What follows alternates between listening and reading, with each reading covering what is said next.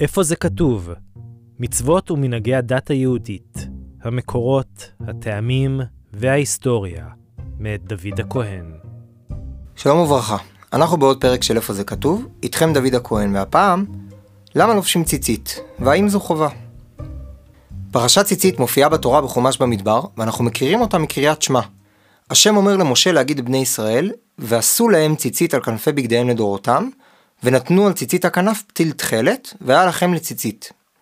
הציווי הוא לעשות על כנפות הבגד, כלומר על פינות הבגד, ציצית, שזה קבוצת חוטים. וכחלק מהציצית צריך לשים בו גם פתיל, כלומר חוט שזור בצבע תכלת. בהמשך נסביר על החוטים ועל התכלת. התורה בעצמה מסבירה את הרעיון של המצווה באותו מקום בפסוק הבא. וראיתם אותו וזכרתם את כל מצוות השם ועשיתם אותם. כלומר, מטרת המצווה היא לראות את החוטים ואז להיזכר בתורה ובחוקיה. וצבע התכלת, מסבירה הגמרא במסכת סוטה, משלים את מלאכת הזיכרון. בכך שהצבע בסופו של דבר גורם להיזכר בצבע השמיים ולהיזכר בהשם שיושב שם. המפרשים גם מסבירים יותר שבדומה לחותם או סימן מיוחד שאדם שם בבגדו כדי להראות את שייכותו לאדוניו, כמו שהיה מקובל בעבר, כך גם הציצית שנמצאת על הבגד משמשת כסימן מיוחד המסמל זאת. הציווי שהתורה מצווה הוא לא ללבוש בגד עם ציצית, אלא שכל בגד שיש לו לפחות ארבע כנפות, שזה בעצם ארבע קצוות מרובעים, אסור ללבוש אותו בלי לזור בו חוטים. אבל כן יש עניין משמעותי בלבישת הבגד עם הציציות, שהרי המטרה היא נשיאת חותם של אלוקים וזכירת מצוותיו כל הזמן. הגמרא גם בכמה מקומות כותבת שראוי לחזר אחרי המצווה הזו, והציצית גם תעזור לאדם שלא יחטא. ומלבד זאת, בזמן שיש פורענות, הציצית יכולה להגן. בזמן חז"ל כנראה היה יותר מצוי בגד של ארבע כנפות, ובגמרא גם מתואר בגד של ישמעאלים, ערבים, שהיה מכסה את הראש והפנים וחלק מהגוף, ואם כן המצווה קוימה על ידם רוב הזמן. אך עם הזמן, הלבוש הזה עבר מן העולם, ואיתו התבטלה מצווה ציצית, ולכן החלו ללכת עם טלית קטן, שזה בגד קבוע של ארבע כנפות שלובשים על הגוף כדי לקיים את המצווה. לדעת הרבה פוסקים, בגד כזה שלא באמת עוטף את הגוף, אלא רק לבושים בו, לא מחייב בציצית, ואם כך לא מקיימים בו את המצווה. אבל ההלכה נפסק שגם זה מצווה, אבל עדיין מתעטפים בטלית גדולה במיוחד לתפילה כדי להיעדר במצווה. מספר החוטים שהם ארבע, שזורים ומקופלים לשניים, זה נלמד מפסוקים. ולצורת הקשירה ישנם מנהגים רבים, שכל אחד מהם מסמל דבר אחר. המצווה במקורה מהתורה היא חוטים לבנים עם חוטי תכלת. התכלת נמצאת בעוד מצוות ולא רק בציצית, כמו בחלק מכלי המשכן ובבגדי הכהונה שהיו צובעים בהם בתכלת. כנראה שתכלת היה צבע שהראה על חשיבות ויוקרה.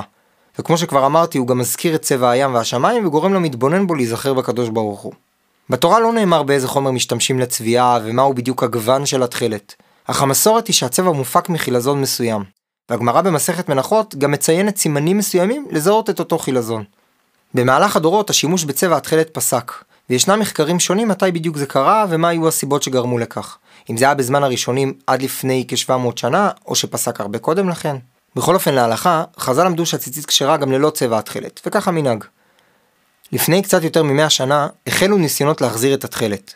וישנן כמה שיטות מרכזיות החלוקות ביניהם על איזה חילזון בדיוק מדובר. אם הוא אכן נמצא, או שלא צריך כלל חילזון, אם ניתן ליצור את אותו גוון גם בלעדיו. ולמעשה הצביעה בתכלת עוד לא פשטה בכל המגזרים ובכל המקומות, אך ניתן לראות את המנהג חוזר בקרב הרבה שומרי תורה ומצוות. לסיכום, מצוות ציצית היא מצווה מהתורה המחייבת את האדם לשים ציציות, כלומר חוטים זורים בכל בגד שיש בו לפחות ארבע כנפיים מרובעים. הרעיון במצווה היא שיהיה סימן על גופו של האדם שיגרום לו להיזכר כל העת בתורה ובמצוותיה, וגם שהציצית מהווה סמל לכך שאנחנו עבדים של השם. כמו שהיה מקובל בעבר ללבוש בגדים המהווים סמל לאדנות. אף שאין חובה ללבוש בגד כזה, אלא רק לא ללבוש בגד עם ארבע קצוות מרובעים בלי ציצית, עדיין יש עניין גדול כן לקיים את המצווה, ויש בה סגולתיות רבה ושמירה. כדי לקיים את המצווה כל העת, אנחנו לובשים טלית קטן, שזה בגד קטן של ארבע כנפות עם ציציות. ובשעת התפילה מהדרים ללבוש טלית גדולה שמתעטפים בה, בדומה לבגד המקורי אותו לבשו בעבר ובו קיימו מצווה ציצית. מהתורה צריך לשלב בחוטים הלבנים גם חוט תכלת, וזאת גם כן כדי להזכיר באמצעות הצבע את הקדוש ברוך הוא, וגם כנראה כדי לתת נוי בציצית. אך ברבות השנים עבדה המסורת איך וממה מכינים את הצבע, וקיימו את המצווה רק בחוטי לבן. לאחרונה החלו ניסיונות להחזיר את מצוות התכלת, והמינה קיים אצל חלק משומרי תורה ומצוות.